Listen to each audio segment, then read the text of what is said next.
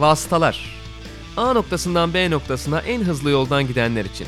Malisel Işık, Barkın Kızıl ve konukları motor sporları gündemini değerlendiriyor.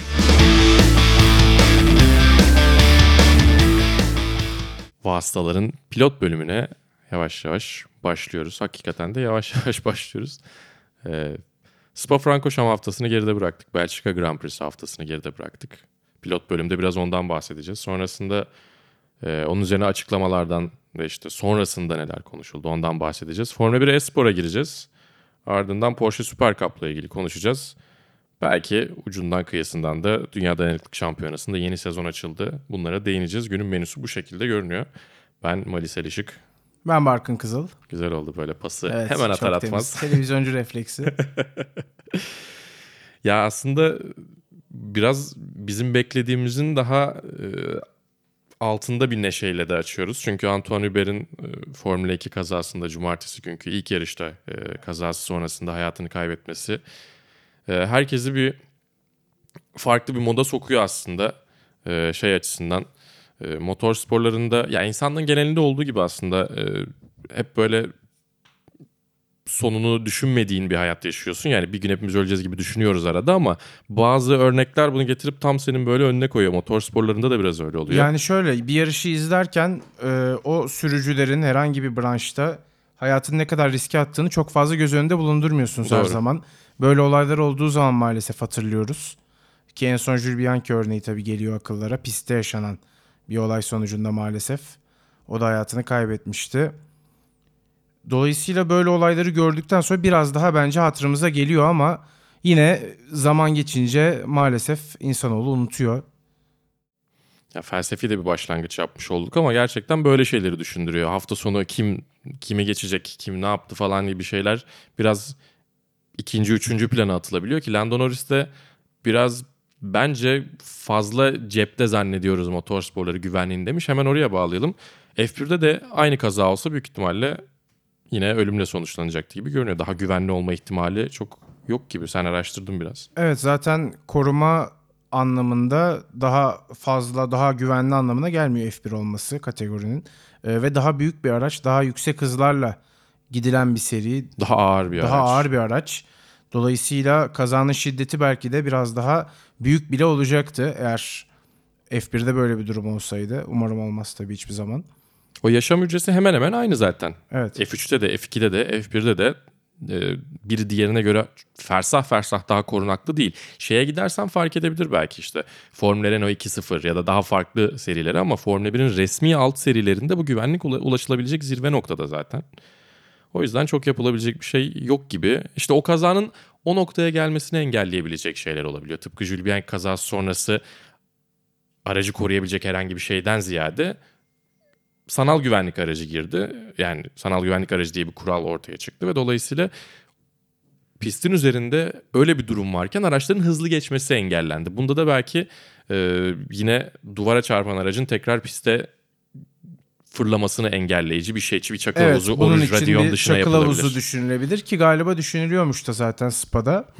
Ee, belki bu Oruç Radyon çıkışı bölümüne yine çakıl havuzu gelecek. o biraz motosikletçiler istemişler galiba değil mi? Öyle bir şey de duydum. Yani kalıcı olacak mı göreceğiz ama bence Hmm. bu kazanın etkisinden dolayı kalıcı yapmayı düşünebilirler. Ha evet bir de öyle bir şey var. Yani modüler bir şey de yapabiliyorlar. Evet. Ee, Rallycross dünya şampiyonası zaten bu sene Spa'daydı. Eski layout'u kullandılar. Sola doğru dönüp çıkılan Oruj bölümünü, Oruj Radion kısmını. Evet öyle bir şey yapabilirler ama tam anlamıyla önlemesi, engellemesi mümkün değil. E tabii bir taraftan e, hep konuşulan bir şey belki ama yani motor sporlarında hayatını kaybeden herkes için çok büyük şeyler başaracak diye bir arkasından yüceltme olur. O doğrudur değildir tartışabiliriz ama Antoine Hubert gerçekten yeteneği olan ve geleceği parlak isimlerden biriydi. Son Grand Prix 3 şampiyonu. Bu sene biraz öğrenme yılında olup önümüzdeki yıl belki e, şampiyonluk adayı olabilirdi F2'de. Bir de şunu Yapacak söylemek şey istiyorum. Gerçekten çok güzel vefa örnekleri gördük. Yani Hmm. e, bu kapalı bir camia olduğu için biraz motorsporları herkes birbirini tanıyor. E, mesela bir kategoride yarışmadıysanız daha gençken yarışmış olabiliyorsunuz birileriyle. Zaten sadece Formula 1'de değil diğer serilerde de hem gerek saygı duruşu yapıldı hem e, o meşhur sticker görmüşsünüzdür mutlaka. E, işte Antoine için yarışıyoruz sticker'ı. Çoğu aracın e, üzerinde yer almıştı. Yani sadece Spa'daki yarışlarda da değil. Silverstone'daki WEC mücadelesinde de örneğin bunu gördük. IndyCar Portland'da bir dakikalık saygı duruşu yaptı. Sticker'dan emin değilim. Bir de şey güzel oldu. İlk defa gördüğümüz bir şeydi o ve e, Will Buxton'ın zannediyorum bir taraftarla konuşup bunu Twitter'a yazması ardından herkesin bunu yaymasıyla ortaya çıkan bir saygı duruşuydu. 19. E, turda alkış yaptılar 19 numarayla yarıştığı için Antoine Hubert. Bak o da şık bir hareketti bence. Yani şu ana kadar gördüğümüz bir şey değil. En azından motorsporlarında, futbolda daha çok gördüğümüz şeylerden biriydi. E bir taraftan psikolojik olarak herkesi etkiliyor. Yarışa da dönersek. E, Pierre Gasly yıllarca ev arkadaşlığı yapmış. Aynı okulda okumuş. Belki en çok etkilenenlerden bir tanesi o. E, aynı şekilde Fransızların çoğu Antoine'la zaten çok yakınlarmış. E, o yüzden onları da etkileyen durumlar oldu. O psikolojiyle yarışa çıkmak da çok zor diye düşünüyorum. Genç pilot çok var aynı dönemden gelen. Evet zaten. Formula 2 yarışı iptal edildi. O ikinci yarış koşulmadı ama Formula 1 devam etti ana seri olarak. Tabii şov devam ediyor. Hemen starta bakalım o zaman. Max Verstappen, Kimi Raikkonen. Çok gerekli bir atak değildi Max Verstappen'den ama bir taraftan yarış kazası olarak da nitelendirebiliriz. Biraz olayı hatırlayalım. La Source'a gelirken tabii orası yavaş bir viraj. Sağa doğru dönüyorsunuz. Bir anda aslında düzlüğün hızının kesilip sağa dönüşle beraber tekrar hız kazandığınız bir yer. Ee, Verstappen biraz fazla iyimser davrandı. En kibar şekilde ifade etmek gerekirse. Ee, Raikkonen'in onu muhtemelen görmediğini ben düşünüyorum sağında. Çünkü arka çaprazda biraz kör noktada kalıyordu ve e, araya kendini sıkıştırınca temas kaçınılmaz oldu. Ya bir de görebilecek de olsa oraya bakmazsın normalde. Lasursun o kadar içine doğru bakmazsın. O kadar içinden de deneme yapmazsın zaten. Yani bir şeylerin ters gitmesi gerekiyor Biraz işte. fazla gözü kara davranmak işte böyle sonuçlara sizi ulaştırabiliyor. Ee, yani şöyle düşünmek lazım. Çok uzun yarış aslında. 44 tur. Ve Spa'nın kilometre olarak da ne kadar uzun olduğunu biliyoruz. 7 kilometrelik bir pist. Ee, ilk virajda bu kadar agresif davranması ne kadar doğru Max Hmm. Verstappen'in ki Evet. bu sezon hep onun ne kadar hatasız ne kadar e, formda olduğundan bahsediyorduk. Belki de burada biraz fazla agresif davrandı gibi düşünüyorum ben. E işte bir taraftan dediğim gibi psikolojik olarak üze- üzerlerinde bence bir baskı zaten vardı. Max Verstappen üzerinde ekstra şöyle bir baskı var. Ya tribünlere bakıyorsun tutturuncu. Yani Sandford önümüzdeki yıl gelene kadar Spa Verstappen'in evi ki zaten Hasselt Belçika doğumlu aslına bakarsan. Belçika pasaportu da var. Hollanda lisansıyla yarışıyor da olsa. E, o yüzden evindeki yarışta üzerinde baskı hissetmek çok doğal. Charles Leclerc'in yine Monaco'da benzer bir problem yaşaması gibi mental anlamda.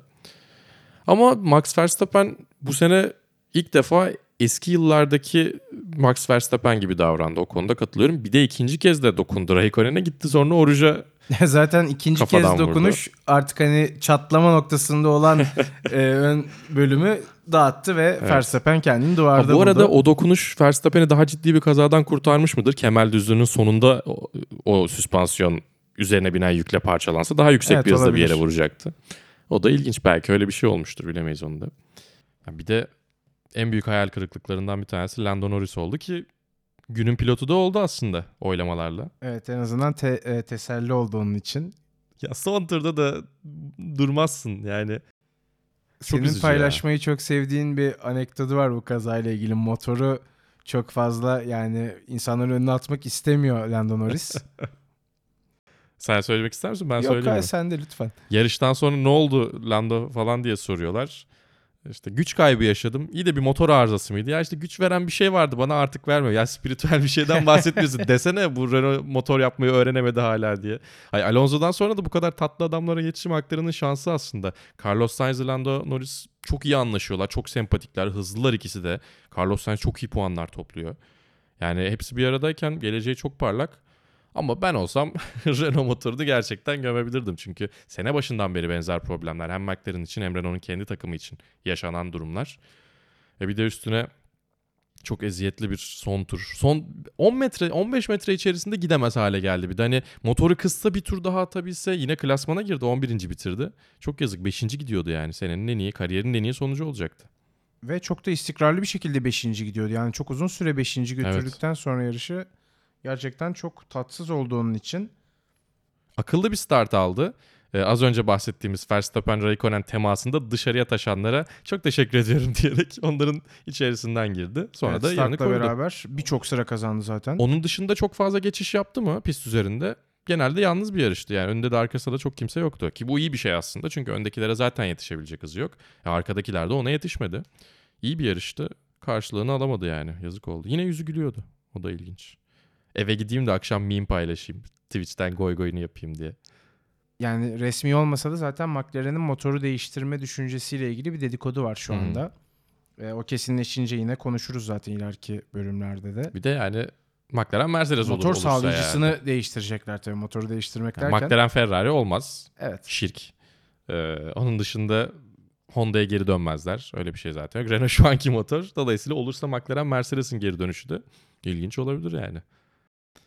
Daniel Kvyat. Evet adamım. Çok seviyorsun sen onu. Yani çok güzel bir yarış stili var bana göre. Hı hı. Ee, çok temiz ataklar yapabilen bir isim ve çok istikrarlı gözüküyor bu sene. Hatta işte Albon'un Red Bull'a geçişinden önce acaba Kvyat mı geçecek diye de bir görüş vardı. Çünkü Gasly'nin yani oradan sanki ayrılması, Toro Rosso'ya gitmesi, orada bir takas olması kesin gibi gözüküyordu bana göre.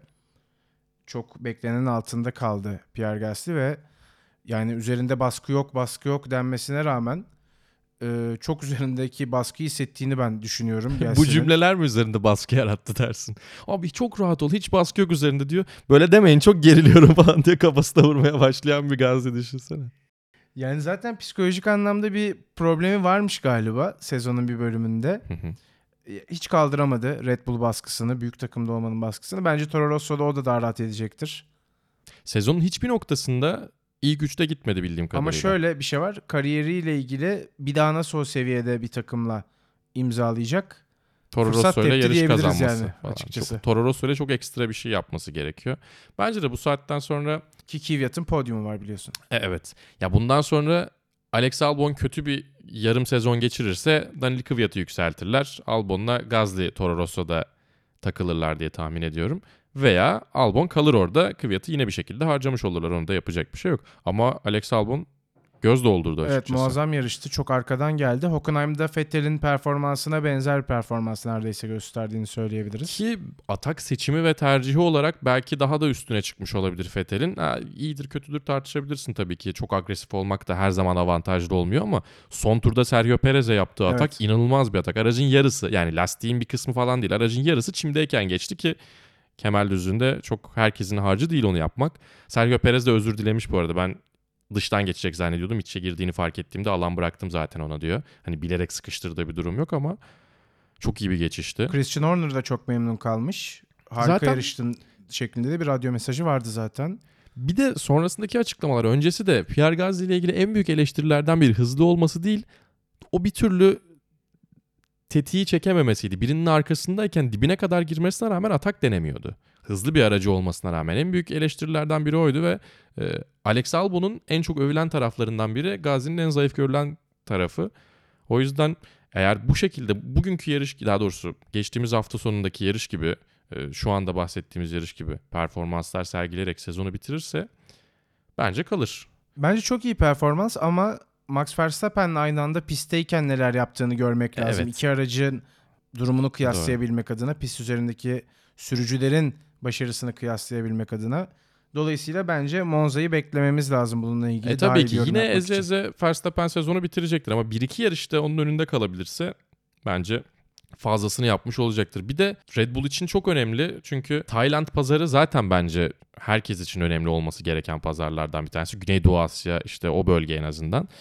Red Bull'un asıl çıkış noktası Tayland. Dietrich Mateschitz 80'li yıllarda gidiyor. Orada bir enerji içeceği var. Aa diyor bunu biraz e, değiştirelim bir şey yapalım. Kullanalım diyor. Konuşuyorlar, anlaşıyorlar. Logosu falan da aynı logo. E, Tayca bir marka işte adını şu anda hatırlayamadım. Hatırlasam önümde olsa bile okuyamayacağım. E, o yüzden Taylandlı bir pilotun olması güzel.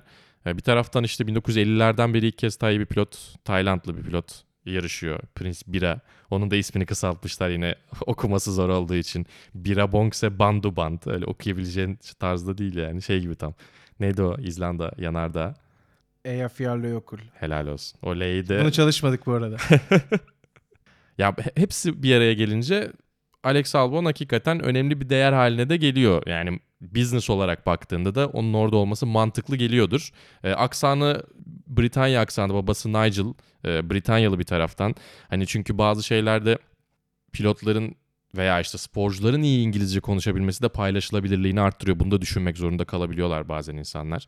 Anlaşılır bir İngilizce konuşması ya da İngilizcesinin iyi olması. Ee, çok güler yüzü sevimli bir tip. Bir de en çok sevdiğimiz özelliği hadi atıyorum pası sana. Annesinin ismini Müthiş bir isim. Kankamol Albon annesi. Baya K-A-N-K-A-M-O-L Kankamol. Kankamol Albon.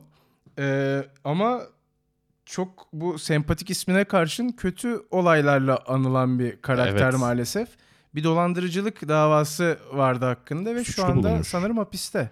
Eğer Ee, yanlış bilmiyorsam. Bir ara zannediyorum suçlu bulunmuş ama ya süreç devam ediyor ya şu an hapiste. Ya çünkü haber geldikten sonra annemi aradım diyor. İçeri cep telefonu sokmamıştır diye düşünüyorum. Galericilikten bir de tam böyle şey e, aynı süper otomobili iki kişiye birden sattığı için falan böyle arkadaşlık vaadiyle kandırıp isminden.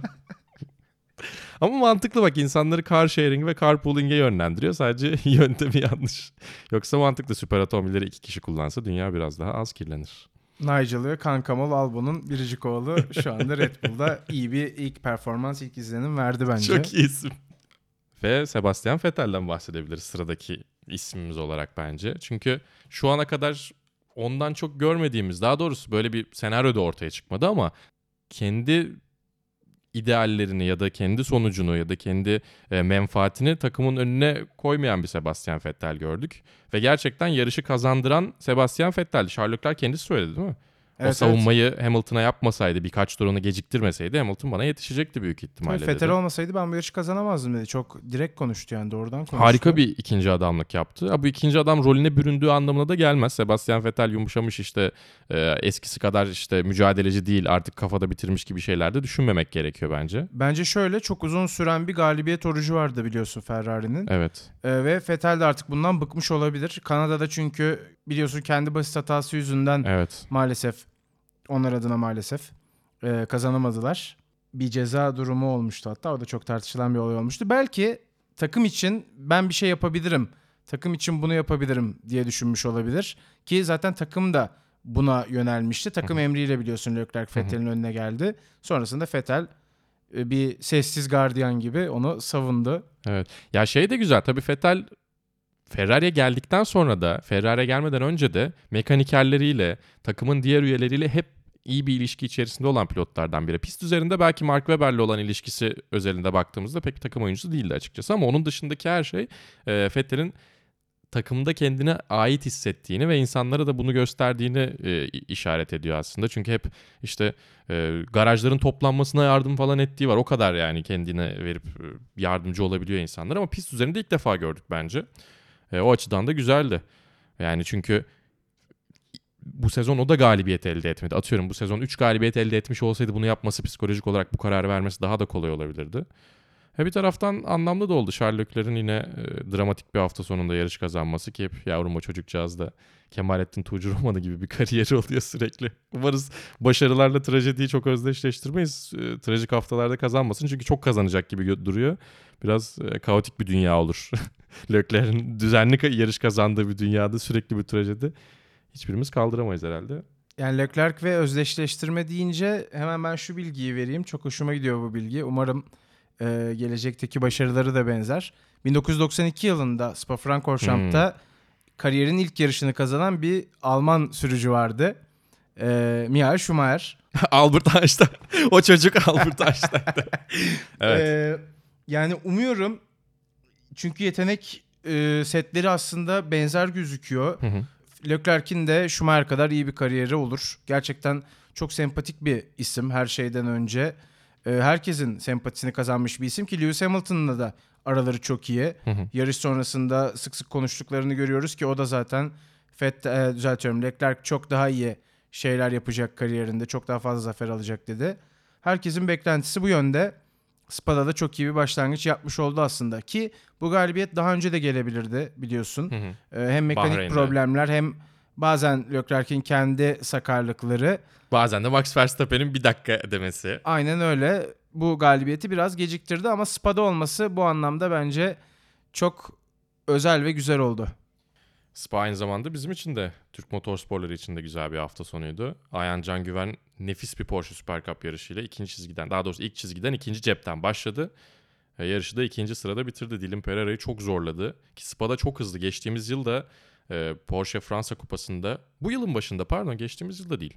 E, bu yılın başında olması lazım. Porsche Fransa Kupası'nda e, yine Spa'da hızlıydı aslında ama Florian Latore ile temas yaşamıştı galiba. Spin atıp gerilere düştükten sonra 20. sıralara düştükten sonra çok kısa da bir yarış 20 dakikalık bir yarıştan bahsediyoruz. 11. bitirmişti.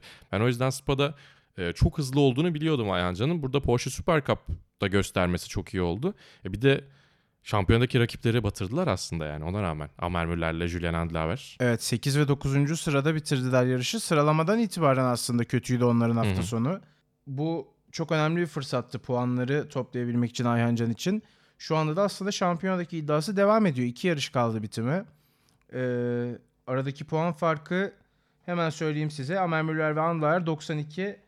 Ee, Ayhancan ve Larry Tenford'da 76'şar puandalar. 16 puanlık bir 16 fark var. puanlık bir fark var ki Ayhancan'ın başına gelen Spielberg'deki talihsiz olay Red Bull Evet. Ring'de eğer o olmasaydı Larry Tenford ona çarpmasaydı. aynen öyle belki de ikisi de hatta Ayhancan ve Larry Tenford üzerinde ikisi de zirveye daha yakın bir noktada da olabilirlerdi. Hı hı. Aslında Ayhancan bu sezon yarış kazanmayı önümüzdeki sezon Porsche Cup kazanmayı kendine hedef koymuş gibi gözüküyordu ama Yarışı kazandı. evet, şimdiden çok başarılı gözüküyor gerçekten. Muhtemelen öyle de umuyorum şampiyonayı en azından sezon podyumunda ilk üç içinde bitirecek. Açık ara en iyi çaylak. Bir de öyle bahsetmek Çaylaklar da lazım. zaten çok rahat bir şekilde lider. Ki çaylaklar arasında iyi performans gösterenlerden bir tanesi de ilk kez Porsche Super Cup'ta yarışan Berkay Besler'di. O da 3. en iyi çaylaktı. 12. sırada yarışı bitirdi. Ama o çok tatmin olmamış galiba. Ben istediğim performansı sergileyemedim demiş. Bence kendini gösterdi. Antrenmanlarda birkaç kez e, ön bölümde yer aldı. Birinde üçüncüydü hatta değil mi bir Evet. antrenmanda. Ayhan Canlı'na daha iyi derecesi. Bence isim yapmak için ya da en azından ha böyle bir çocuk daha var. Bak bir Türk daha var diye düşündürmek için insanlara e, fena olmayabilir. Tabii ki bu sadece ilk adım için. E, diğer konularda katılıyorum. Devamlılığı olması gerekiyor. Belki bizim motor sporlarında son döneme kadar e, eksiğini çektiğimiz şeylerden biri oydu. Şimdi hem otomobilde hem motosiklette bir devamlılığı olan bir ekol sanki yakalamaya başladık gibi ama işte biraz görmek lazım. 7 sene 8 sene birileri yetişirse bu işi galiba çözdük diyebiliriz. Çünkü Bir de çok sporda da hep olan bir şey. Genç yaşlı yani genç yaştaki sporcularımız var. Dolayısıyla uzun vadeli proje olarak da bence Türkiye'deki yarışçılık çok iyi bir yere doğru gidiyor. Hem araba hem motosiklet yani artık siz seçin. Güzel günler göreceğiz. Finişli günler diyelim. Böyle bir şey bir program adını böyle yapabiliriz bak Türk sporculardan konuştuğumuz. Berkay ile ilgili bir de son bir şey söyleyeyim. Ee, o da Almanya Porsche Kupası'nda yarışıyor aslında. Ki biliyorsunuz Porsche Cup bunların en üstü aslında bütün alt dalların. Buraya gelmek biraz maliyet işi elbette ve ona tek yarışlık bir yatırım yaptılar. O da bu fırsatını daha iyi değerlendirmek istediğini ifade etti. Yani hayal kırıklığı bu şekilde. Hı hı. Yoksa puan alacak pozisyonda yarışı tamamladı. Bu da gayet iyi bence onun için. bir de şey güzel. Porsche Sports Cup'ta Ayhan Can yarışırken Almanya'da başlayıp sonra Fransa'ya e, yükselip en sonunda Porsche Super Cup'a gidiyorsun. Sanki sıralama bu yönde gibi aşağı yukarı. Çünkü Fransa'da e, Benelux aynı zamanda yine e, Almanya Kupası. Bunlardan bir tanesini seçiyorsun. Sonra diğerlerini deniyorsun. Aynı anda ikisini birden götürebiliyorsun. En son Porsche Super Cup'a gidiyorsun. E, bir yerden başlaması o yüzden senin de söylediğin gibi gayet güzel ve e, devamını da getirecektir. Umuyoruz yani. Gerekiyor çünkü herkes Formula 1'e gidecek diye de bir şart yok. Herkesin düşündüğü şeylerden bir tanesi o. Niye Formula 1'e gitmiyor? Söylenen bir şey değil şimdi olmayan bir taraftar karakteri yaratıp ona da yüklenmek istemiyorum ama e, devamlık sağlaması için farklı serilerde VEC'te yarışan ki Salih Yoluş'tan bahsedeceğiz. Ayhancan'ın da hedefi o yönde bu arada. Ayhancan'ın hedefi yine DTM Evet VEC DTM, VEC ve sonrasında yaşlanınca da NASCAR yapmak istiyorum dedi. onu dedi mi? evet evet. Güzel bir şata. NASCAR da eğlenceli olur. Ve şunu söyledi. Esas bence önemli olan da o. Ee, yani ben bir yolu açıyorum. Benim peşimdekiler benden daha ilerilere gidecek. Hı. Belki Formula 1'de ben yarışamayacağım ama benden sonra benim açtığım yoldan gelenler yarışabilecek. Benim öncülüğümde böyle bir şey olacak şeklinde bir güzel vizyon bir vizyon yaratmış. işte. Evet. Yani bu yaşta böyle bir vizyona sahip olmak bence özel bir şey. Umuyorum şanslıyızdır o konuda ve gerçekten iyi bir ekolün başlangıcı olurlar. O da bizi keyiflendirir tabii ki. Başarılarının devamını diliyoruz. Karne notu, öğretmenin karne notu gibi noktalayalım. Ee, bir de Dünya Dayanıklık Şampiyonası'nın yeni sezonu başladı. Tabii süper sezon bitti. Artık sezonun ortasında başlıyoruz ki Le Mans 24 saatte final yapabilelim. Çok doğru bir karar mı ondan emin değilim bu arada. Çünkü Le Mans 24 saat zaten önemli bir yarıştı. E bir de sezon finalinin ekstra bir önemi daha olurdu. Daha güzel olurdu ama Motosiklet Dünya Dayanıklık Şampiyonası'ndan örnek aldılar. Suzuka 8 saatte bitsin. Şampiyonu da orada belirleyelim diye. Vek de öyle bir şeye girdi. Dolayısıyla Silverstone'la sezon başlıyor. 6 değil 4 Başladı saat. daha doğrusu. Evet, Öyle bir saat. değişiklik var. 4 Hı hı. saatlik Silverstone yarışı. Hı hı. Çok kısa bahsedelim. Tabii Salih TF Sport'la yine devam ediyor. Çok da güzel renk yaptılar bu sefer. Evet, Kıpkırmızı. kırmızı renk. Nefis oldu. Göz alıcı güzel bir renk. Ee, onlar da sıralamada çok iyilerdi ama yarışta maalesef Salih stintini atarken, Salih direksiyondayken bir yarış kazası meydana geldi. Yani herkesin başına gelebilecek Senkronize spin. kazalardan bir tanesi. Aynen öyle. Ee, çok senkronize güzel bir şekilde maalesef pistin dışına doğru gittiler ve onlara sıra kaybına mal oldu bu. İstenilen sonuçtan biraz uzak kaldı Klasmanlarında ekibi. 7. bitirdiler ama polden başlamışlardı. Sezona poli alarak başlamak bence e, yarış temposu olarak, saf hız olarak özgüven vermiştir. Çünkü yarışta olacak şeyleri her zaman kontrol edemiyorsunuz. Özellikle de bu sene çok kalabalık değil ama Dünya Dayanıklık Şampiyonası gridi e, hızlı, daha doğrusu hızlı değil. E, Dünya Dayanıklık Şampiyonası gridi farklı farklı hızlarda araçların olduğu ve bir taraftan kalabalık bir grid. O yüzden karmaşalar yaşanabiliyor. Silverstone hep çok karmaşalı pistlerden bir tanesi. E, yarışta da yağmur yağdı, tekrar pist kurudu derken herkes bir kaos içerisinde yine yer aldı. O yüzden bence çok moral bozmamıştır yarış sonucu. Belki evet fırsat kaçırdık diyorlardır ama pole pozisyondan başlayacak hıza sahip olmaları e, GT'ye amatör sınıfında onlara güzel bir fırsat veriyor bence. Tabii Fernando Alonso'nun yerine Brandon Hartley geldi. Hmm, Türk evet. izleyicisinin en sevdiği isimlerden biri Fernando Alonso. Ondan bahsetmeden VEC konuşmak çok olmaz gibi hissediyorum. Artık olur ya bıraktı adam. İlk yarışında Yok yani konuşuruz. bu program özelinde en Evet, evet. azından VEC'ten bahsediyorsak yeni bırakmış Alonso'yu hemen e, adını geçirmemiz lazım. O da Dakar yapacak galiba Usta öyle Dakar'a gözüküyor. niyetli. Bu sene Evet. yapacak mı bilmiyorum. Her şeyi denemek istiyor ya. Onu da getir ötekini de getir. Burada bir sinerji yaratılım temasıyla geziyor. Ee, Yaris'in VRC aracını, Toyota'nın Yaris VRC aracını da test edecekti. Etti mi bilmiyorum. Ona da göz kırpıyordu. Yani o Toyota ile bağlantıyı kullanıyor. Bir taraftan Indy 500 kazanması lazım. Ona taktı kafayı. Kazanabilecek yeteneğe de sahip olduğunu ben düşünüyorum. Ama McLaren bu sene korkunç bir oluşumla geldi buraya. Bir takımla geldi ama yani çok da iyi değildi aslında. O yüzden ilerleyen zamanlarda yine onu da konuşuruz Fernando Alonso'ya. Ee, bütün bölümü de harcamayalım tabii henüz net bir gün, güncel bir durumu yokken. Ama Yarışın- takip edeceğiz onu. Yarışın sonucunu da paylaşalım bu arada. 8 numaralı Toyota yarışı kazandı. E, Sebastian Buemi Ya zaten Kazuki %50 şans var ya ve- 7 kazanacak ya 8 kazanacak. 2021'e kadar eziyet çekeceğiz. Ben bu konuda biraz rahatsızım Vek'ten. Yani çok tahmin edilebilir sonuçları var. Bu arada özür dilerim Mike Conway. Numaralı Kobayashi ve Jose. Maria Lopez kazandı. Hemen düzelteyim onu. İkinci ekipti onlar geçen sene. Evet bu sene böyle bir değişiklik oldu. Ya En her- azından ilk yarış özelinde. Tabii daha sezon uzun. Ya gridin tamamı küçülmeye gitti bir de. Ya GTA Pro'da iki marka birden gitti. Ford yok, BMW yok. E, LMP2 küçüldü. Çok fazla araç yok derken. eklenen araçlar var ama LMP2'de Var. öyle bir Ona rağmen e, haber küçüldü var. işte. LMP1'de de Cinetta'lar geldi yine de küçük yani. Yeni gelen Cool Racing bu arada kategorisini kazandı. Evet. İsim de çok komik değil mi onların? Çok tatlılar ya. Cool Racing. Ve Nicola Lapierre var yine. Sürekli bir yerlerden çıkıyor bu adam. Yani o yüzden 2021'den itibaren yeni gelecek e, regülasyonlarla, hiperkarlarla, hiper otomobillerle markalar daha işin içerisinde olacaklar ve markaları çekmediğin sürece seri olarak çok ileriye gidemeyebiliyorsun. Çünkü dünya şampiyonası olması için e, marka olması gerekiyor. WTCR'ın şu anda dünya şampiyonası olmaması gibi. Bir taraftan bu konunun en iyi örneği belki de Formula E. Marka üstüne marka geliyor. Porsche yeni aracını tanıttı. Evet Alman markalarının, büyük markaların tümü şimdi Formula E'de olacak önümüzdeki sezonla beraber. Doğru Mercedes var. Porsche BMW var, var. BMW var. Audi var. Audi'de var. Daha ne olsun. Hepsi var. Yani Volkswagen AG'den iki tane e, ayrı marka var öyle düşün. Jaguar var bunların üstüne. Mahindra var. NIO var. Hani onlar elektrikli otomobil üzerine bir şeyler yapıyorlar ama yine de varlar. Yani markadan geçilmiyor zaten. Öyle. Nissan var yine. Gayet iyi işler E. Şampiyon DS var Citroen'in. Şampiyon DS var aynen. Uzantısı Citroen'in olan DS, marka. DS Techita. Aslında uzantısı da değil daha elit sınıfı e, segmenti gibi Alt düşünmek markası lazım. ya da yan markası. Alt mı dememek belki ya daha doğru Evet. olabilir. Yan markası ya da üst markası. Ne derseniz deyin. Sağına soluna bir şekilde koyabilirsiniz. Citroen grubunun markalarından bir tanesi DS. Eskinin de çok güzel klasik araçlarından bir tanesi. Üst üste de iki kez şampiyon oldular jenerik Evet, Verne'le. evet. O serinin de en güçlü takımlarından bir tanesi, en güçlü üreticilerinden bir tanesi. Ya şu an herkes orada olmak istiyor.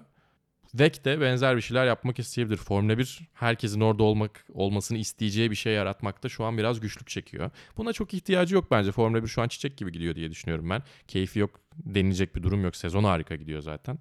E biz de sezon harika gittikçe takip etmeye devam edeceğiz. Diğer bütün motorsporları sezonlarında olduğu gibi, diğer serilerde olduğu gibi o hastaların sıfırıncı bölümüne, pilot bölüme yavaş yavaş noktayı koyalım mı Barkın?